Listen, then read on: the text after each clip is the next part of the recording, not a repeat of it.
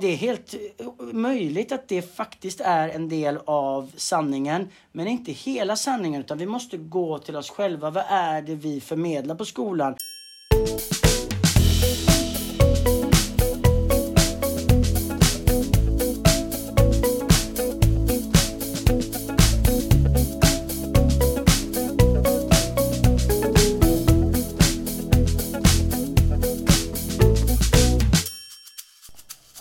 Och välkommen till Skolprat, en podd om skola, undervisning och lärande. Vi som är värdar för podden heter Karin Rådberg. Och Marcus Brunfeldt. Och jag, Karin, jobbar som projekt och utvecklingsledare. Men vad jobbar du med, Marcus? Jag är biträdande grundskolechef nu för tiden. Jajamän. Och nu är det äntligen dags för läsårets första skolprat. Efter en lång och härlig sommar kickar vi igång igen och vi har en väldigt innehållsrik höst att se fram emot, eller hur Marcus? Ja, men det, det, finns ju, det finns ju så många intressanta skolpersoner att prata med och en av de mest intressanta har vi med oss här idag. Men, men det, det, tar liksom aldrig slut. Det finns oändligt mycket ämnen och personer som vi vill föra samtal med. Ja, men jag, jag får alltid den här, jag tänker väldigt mycket på podden, eh, typ eh, så här, teman. Lite som när jag var gravid och skulle köpa barnvagn. Då såg jag barnvagnar överallt framför mig. Och nu ser jag poddämnen överallt framför mig. För att jag är med podd, jag är inte med barn längre. Lite så. Så det finns mycket spännande att se fram emot under hösten.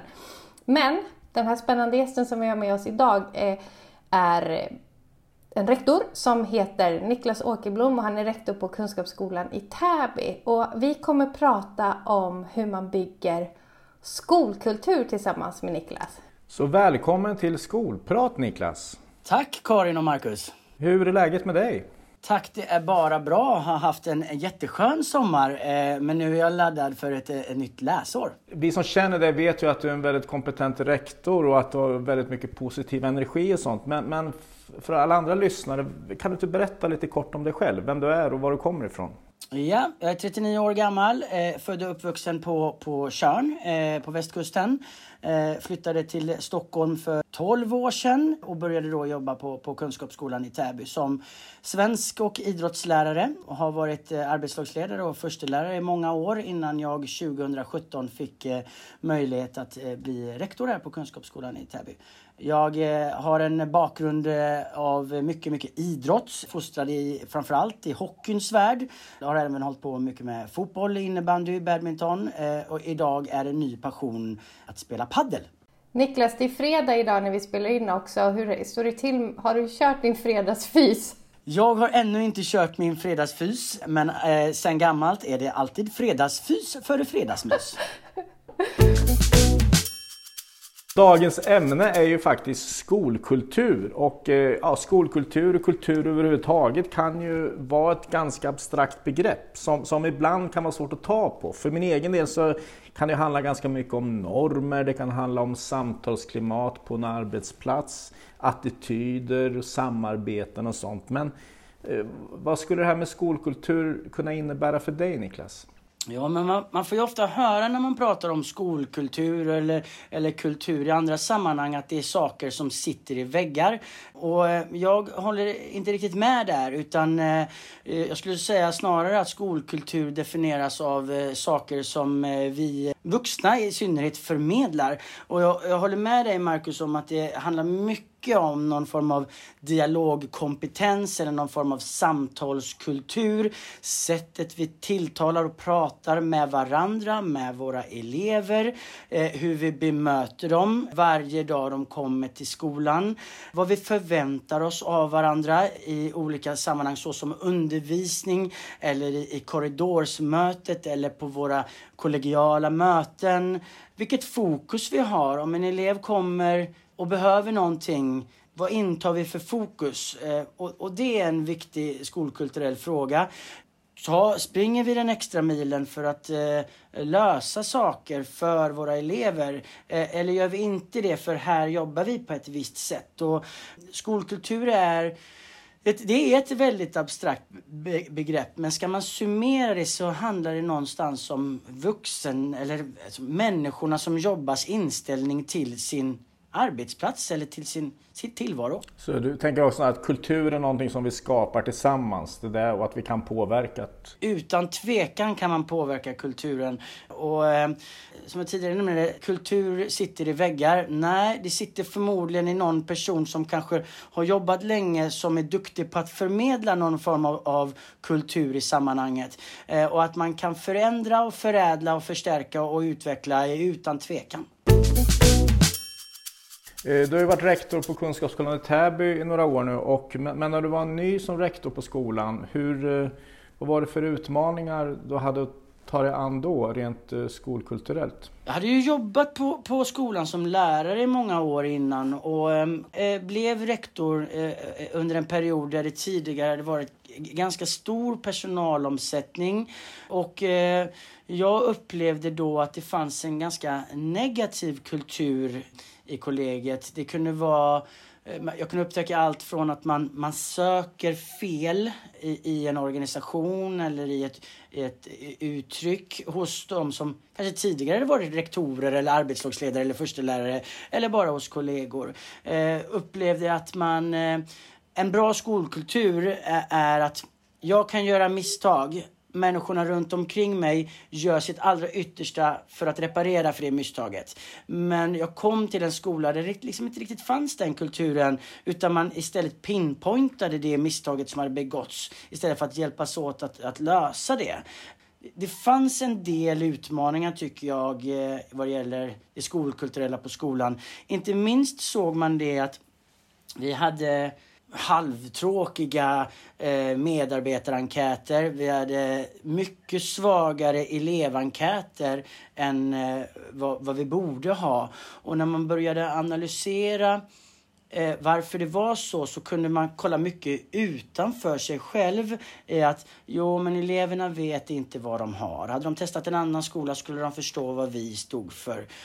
Det är helt möjligt att det faktiskt är en del av sanningen, men inte hela sanningen, utan vi måste gå till oss själva. Vad är det vi förmedlar på skolan? Och varför eh, avspeglas inte det i en större nöjdhet? Vi behöver nog utvecklas.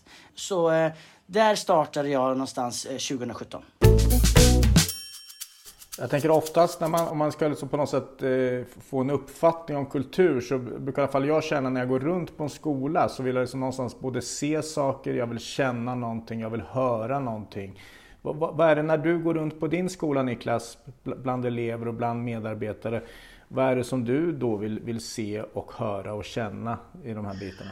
Mycket sammanfattas ner till energi. Eh, man vill ha en positivt laddad energi och det märker man. Eh, eh, jag tror att vi alla kan vara överens om att det räcker att gå in i ett rum så kan man känna av vilken typ av energi det är. Om det är tryckt stämning, om det är glädje, om det är nyfikenhet eller vilken typ av energi det är. Och när man går runt på en skola så vill man ha energi och energi förmedlas dels av någon lust för att lära sig saker men det förmedlas också genom den där att vi hälsar på varandra varandra i korridorerna, att vi gläds med varandra vid lyckade resultat. Eh, det, det är mycket som kan avspeglas i den här energin, men det är eh, någon form av glädje och stolthet över att faktiskt vara en del av ett sammanhang och i det här fallet då en del av sin egen skola eh, och känna att man kan påverka. Vi hälsar på varandra, det är trevligt, det är trevligt att, komma till jobbet, det är trevligt att komma till sin skola. Det tycker jag är, eh, det, det är så någonstans man får nys på det. Och nu pratar vi om vi går runt på skolan men kollar vi på våra möten på eftermiddagar så är det också någon form av energi som avspelar sig. Vart vill vi någonstans? Har vi ett gemensamt mål? Om vi har det, jobbar alla för det? Brinner man för det? Eh, om inte kanske man ska revidera sina mål. Men eh, vi behöver någonstans hitta en gemensam väg framåt. Vi ska absolut titta på de hinder vi har framför oss. Men de hindren ska vi inte stanna vid utan de ska, hindren ska vi övervinna, hoppa över och ta oss vidare utan att släppa blicken mot målet. Och, och det eh, känner jag är en, eh, en utveckling som jag vill stå för.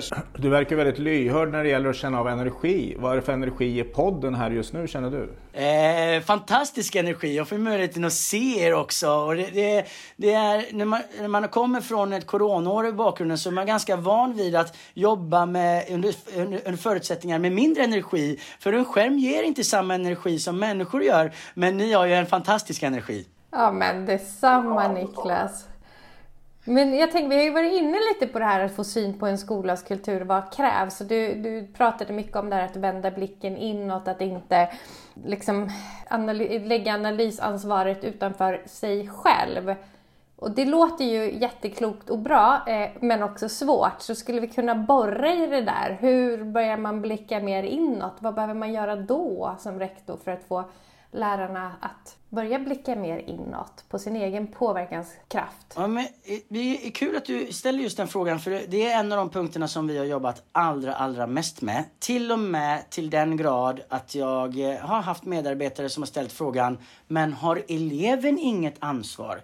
Men det är klart att eleven har. Vi jobbar ju otroligt mycket eh, i vår personliga handledning med elevens motivation, med strategier och andra typer av hjälpmedel för att alla ska nå så långt det är möjligt.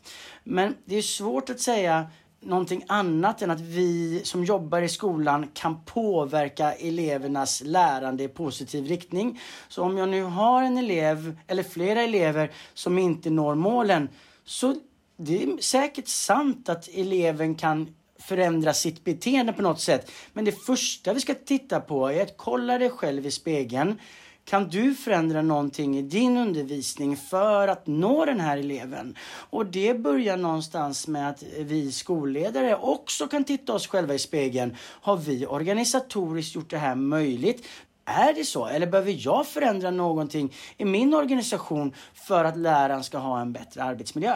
Så eh, eh det är svårt för det är, det är alltid svårt att börja syna sig själv och börja se vad är det mitt fel att jag hade 11 elever med F?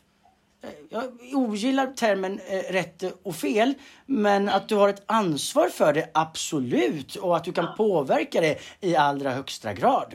Om man får ta ett exempel till bara. Så när, man, när eleverna gör nationella prov, då har vi eh, in, eh, infört det här begreppet som att vi gör det 50 procent för att du ska få ett ännu bättre underlag på dina elever.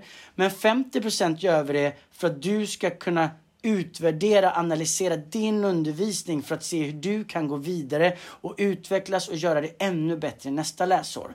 Eh, och det är så en typexempel på hur, hur, eh, hur vi har försökt att göra det mer konkret. Det där citatet tror jag skriver ner. Det var ljuv musik. Men jag tänker så här utifrån, jag har ju själv jobbat som lärare länge och när man väl inser att jag är ansvarig för mina resultat, den känslan när man går i mål, man har kämpat kanske långsiktigt under flera år för att en elev ska nå, ja men E kan det ju vara ibland. Och sen så gör eleven det. Och då vet jag att jag har varit med och påverkat. Det finns en del av mig i det här resultatet. Alltså då, det är typ lycko, lyckostund. Eh, som jag sätter, det är en pokal på hyllan, en mental pokal att det här lyckades vi med. Och det var ju inte bara jag, det var ju eleven och kanske vårdnadshavare. Det var kollegor, det var vi som skola. Kraften i det är oslagbar. Och påverkan för det framtida livet för den här eleven vet vi ju. Det är en så otrolig skillnad mellan att gå ut grundskolan med godkända betyg eller inte göra det. Det låter ju också som man kan, man kan likställa också kultur med både liksom ans, en ansvar och professionalitet på något sätt också. Att där någonstans har vi liksom, om vi ska hitta den konstruktiva kulturen så ligger det väldigt mycket i det egna ansvarstagandet bland de vuxna helt enkelt. Vilka är vi här för egentligen? Definitivt och som Karin säger, det är skrämmande att ha det ansvaret för så många av, eh, av samhällets ungdomar. Men det är ju också när man gör ett bra jobb, den där belöningen. Och jag vill också lägga till att belöningen kan ibland bli direkt. När eleven klarar målen för grundskolan det, eh, som ingen trodde var möjligt och, och så har den fått göra det. Men belöningen kan också komma tre, fyra år senare även om eh, eleven inte skulle klara sig eller även om den inte visar den uppskattningen eh, när eleverna kommer tillbaka, har gått ut gymnasiet och berättade för dig som lärare hur mycket du betydde för det, även om du inte såg det just då. Eh, det är också en belöning. Så lite is i magen också, eh, så vi vet att vårt eh, hårt arbete lönar sig. Definitivt så tror jag vi höjer eh, skolans professionalitet genom att ge lärarna mer ansvar. För vi har så många skickliga lärare runt om som är, axlar det här ansvaret på ett ypperligt sätt. Men jätte, det är lite som att vara tonårsförälder. Man får ju inte, man blir ju inte hyllad. Men förhoppningsvis här, när de blir lite äldre så kanske man får så här, men du var en rätt bra förälder. Det är lite så med eleverna också. att Håll ut, belöningen kommer. Min, min, min äldsta är ju eh, tio år. Än så länge är man ju superhjälte där, men jag hör vad du säger när tonåren kommer. Du, de dagarna är räknade. Ring mig när du behöver stöd. Men du Niklas, du är ju rektor så du, är faktiskt, du har ju ett väldigt stort ansvar för att odla skolkultur tänker jag.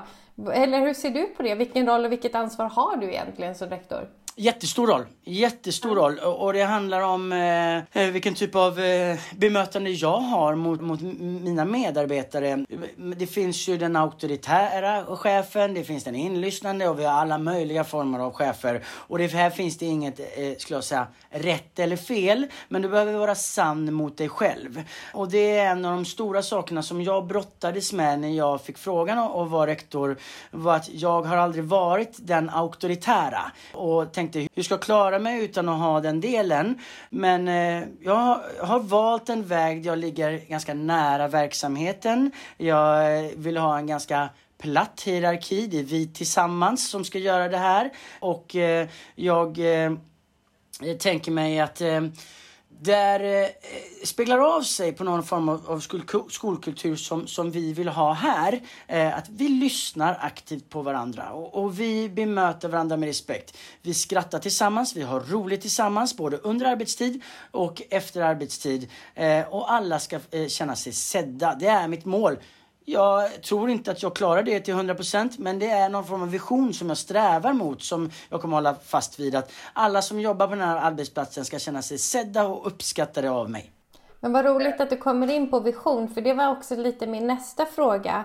Just betydelsen av att ha förväntningar, ha en vision för att skapa en stabil, konstruktiv och, och positiv skolkultur. Vad tänker du kring det? Nej, men det är, är väldigt viktigt att vi har en, en, en gemensam bild, vision om vad vi vill vara om ett år och om tre år och om tio år.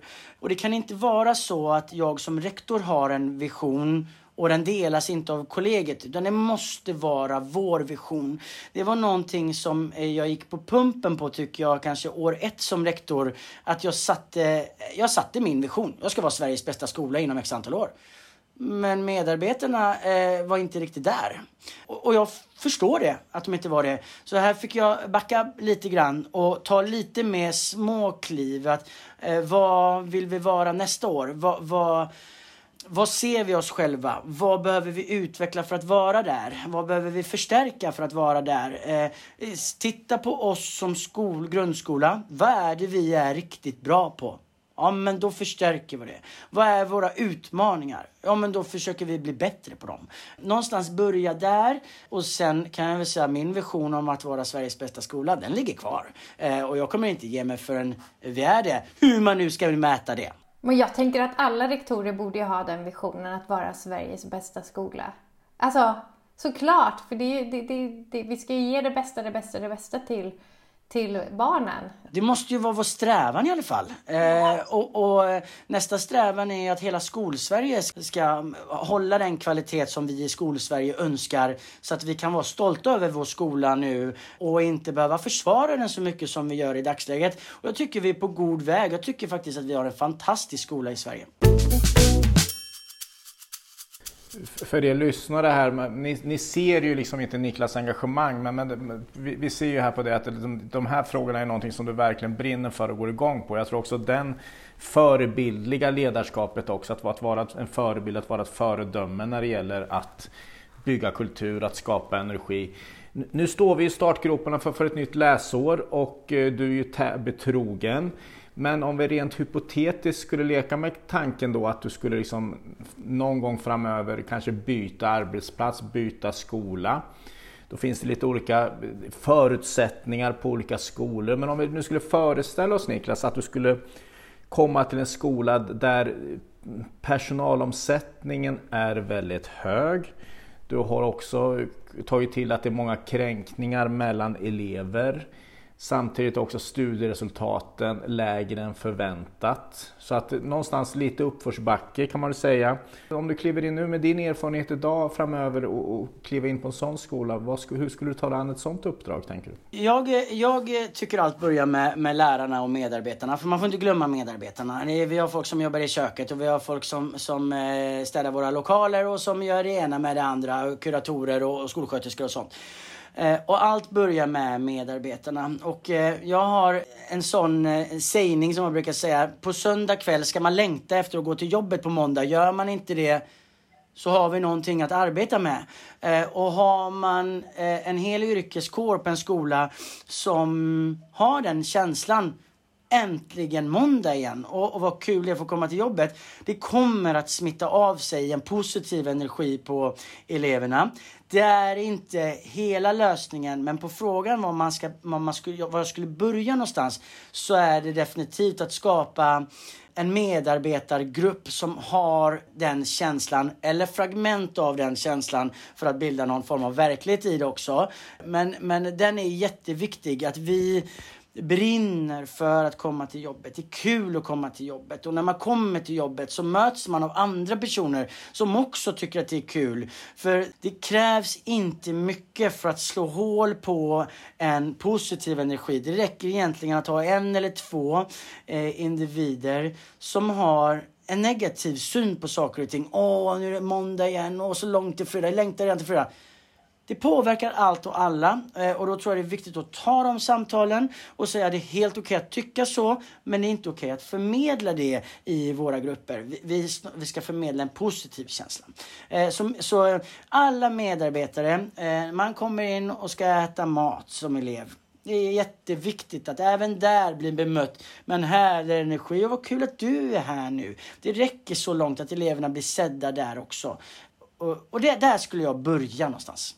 Men jag tänker det är så viktigt det du säger för att ibland så kan man som medarbetare tror jag tänka att allt är chefens ansvar. Men jag är ju en del av min arbetsmiljö. Det, det är så att varenda kotte på var man nu jobbar, på banken eller man jobbar på en simhall eller i en skola, så är jag en nyckelperson i arbetsmiljön. Jag är medskapare eller medförstörare av den. Det är klart också att det är en skillnad om man har inställningen det här lite Petter Stordalen, så här äntligen måndag. Än att man har inställningen kanske att nu är vi en dag närmare pension. Det är en viss skillnad liksom kanske i ingångsvärden när man går in på, på en arbetsplats om morgonen. Och det har man faktiskt ett ansvar för, vad man signalerar. Men också att man bottnar i det själv såklart. Men, men Niklas, vi vet ju om, det nämnde du redan i början också, du har ju ett bakgrund inom idrotten, inom ishockeyn Eh, och lagidrotten då framförallt. Eh, finns det någon likheter, kan vi börja där, likheter mellan lagidrott och rektorskap eller skolbygge? Det tycker jag verkligen. Eh, vi har det här lagtänket, att alla bidrar till lagets vinst. Alla bidrar till att skolan utvecklas. Och en förståelse för jag är då hockeyfostrad. Vissa spelare eh, var bra på att åka skridskor, andra sköt hårt. Vissa hade bra spelsinne och man kan fördjupa det hur mycket som helst. Det är detsamma som på en skola. Vissa är fantastiska på att möta eleverna i vardagen. Andra är otroliga på att göra bra bedömningar. Och att då ta vara på varandras styrkor så att summan blir högre än alla individer. Båda de tänken tycker jag passar bra i både skola och, och lagidrotten. Jag läste en eh, bok som är skriven av Fredrik Backman eh, som heter Björnstad. Och tredje delen av den här fantastiska berättelsen kommer nu någonstans i oktober. Så den sitter jag lite på nålar och har bestämt mig för att läsa om eh, ettan och tvåan i alla fall, den handlar om ett litet samhälle eh, där hockeyn står i fokus och där ungdomarnas alla tankar syras igenom. Vi har allt från alkoholdebuten till sexdebuten till att vara eh, född i ett annat land och hur man då integreras i ett samhälle. I en episod som jag förstod var skriven som en, eh, lite i förbifarten så pratar de om kultur på läktaren. var vaktmästaren och hockeytränaren som gjorde detta. Och då säger en av personerna att kultur är lika delar av det man tillåter och det man uppmuntrar. Det här eh, citatet har jag tagit med mig egentligen sedan jag läste den här boken. För det är så lätt att tro att man bygger en skolkultur genom att bara ha positiv förstärkning. Eller att man bygger en skolkultur genom att bara berätta vad man inte får göra. Men här är det otroligt viktigt med en balans. Att vi, vi absolut markerar mot beteenden som vi inte tycker är bra. Eh, men det är lika viktigt att förstärka och berätta för eleverna att det där du gjorde där ute på skolgården mot den ensamma eleven, det där uppskattar jag, det var fantastiskt. Och får man med båda de här delarna, lika delar i det vi uppmuntrar och, och, och, eh, och det vi tillåter, så, så, tror jag man är på en god väg att starta och bygga en bra skolkultur som man kan ha nytta av väldigt, väldigt länge. Sådär, förutom att du förmodligen har blivit rätt så stryktålig, har, har du någon annan nytta av idrottsbakgrunden som, som rektor och som skol, skolledare? Jag eh, höll på med hockey ganska länge, både som spelare. Eh, när kropp, kroppen inte riktigt höll så har jag varit eh, ungdomsledare, jag har varit seniortränare och jag har också eh, faktiskt varit sportchef i någon enstaka säsong. Det som jag har tagit med mig från det här är att det finns inga lag man spelar i och inga skolor som man jobbar på där det är en spikrak kurva upp uppåt eller neråt. Utan vi har ljusare stunder och vi har jobbigare stunder. Och det gäller att glädjas och fira det man gör bra. Men det gäller också att borra ner skallen lite och kämpa lite när det går mindre bra. Och, och det tycker jag är en, en, en viktig gemensam nämnare med de här. Och att man någonstans på förhand redan vet om att det kommer att vara så.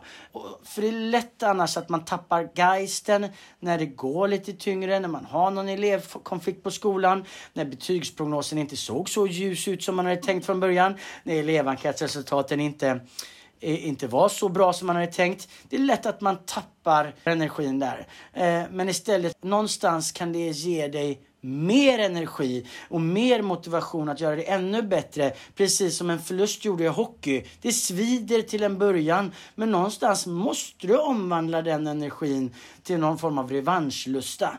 Annars blir det mörkt. Ja, men, och jag, jag tänker jättemycket nu. Det här är så... Kultur är lika delar av det man tillåter och det man uppmuntrar. Det ska jag verkligen, verkligen... För jag har inte läst boken. Jag har sett eh, serien dock. Eh, men boken kanske är ännu klokare Låter det så när man lyssnar på dig Niklas? Niklas, så himla intressant. Det här skulle vi ju kunna prata, prata länge om. Eh, så. Och vi kommer säkert återkomma till det. Mycket kloka saker sagda här. Eh, och som avslutning så brukar vi alltid be våra gäster att ge tre tips. Så vi tänker Niklas, vilka är dina tre bästa tips eh, för att odla en positiv skolkultur som leder till glada och nöjda elever och lärare, medarbetare, men också goda skolresultat och långsiktighet? Ja men precis. Nu ska vi se vad vi kan ta för tre tips. Eh, det första jag skulle säga, eh, och det kanske absolut viktigaste, det är eh, som skolledare eller rektor att omge dig av bra personer. Av personer som du dels litar på, eh, men som också besitter eh, eh, minst lika bra kunnande som dig själv. För det är oerhört viktigt att vara lyhörd och lyssna in och få nya tankar och idéer på dina redan eh, invanda tankebanor. Så eh, ha personer runt omkring dig och det måste jag säga är en av styrkorna som jag har. Dels lokalt på skolan och fantastiska medarbetare runt omkring mig. Men även eh, rektorer på de andra kunskapsskolorna som, som vi, vi bollar idéer och tankar varje dag och det är en ynnest att få vara del av en sånt lagarbete som, som vi faktiskt har. Och pedagogikavdelningar och etc. såklart också.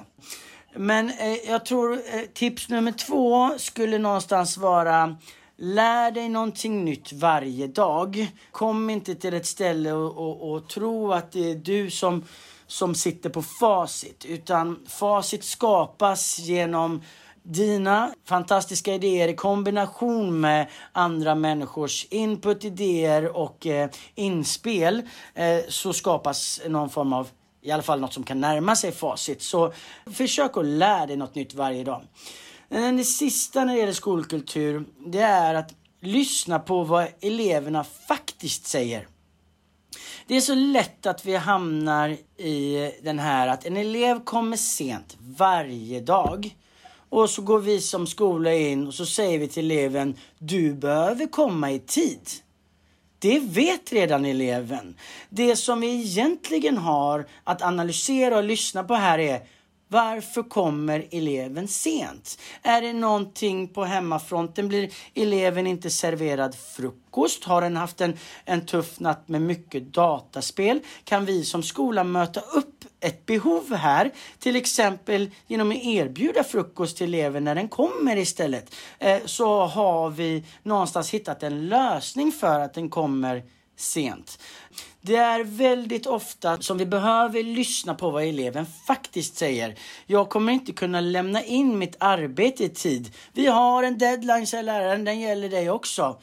Men varför kan eleven inte lämna in i tid? Kan vi hjälpa eleven med någonting längs vägen? Eller förlänga deadline? För det finns faktiskt en anledning kanske här.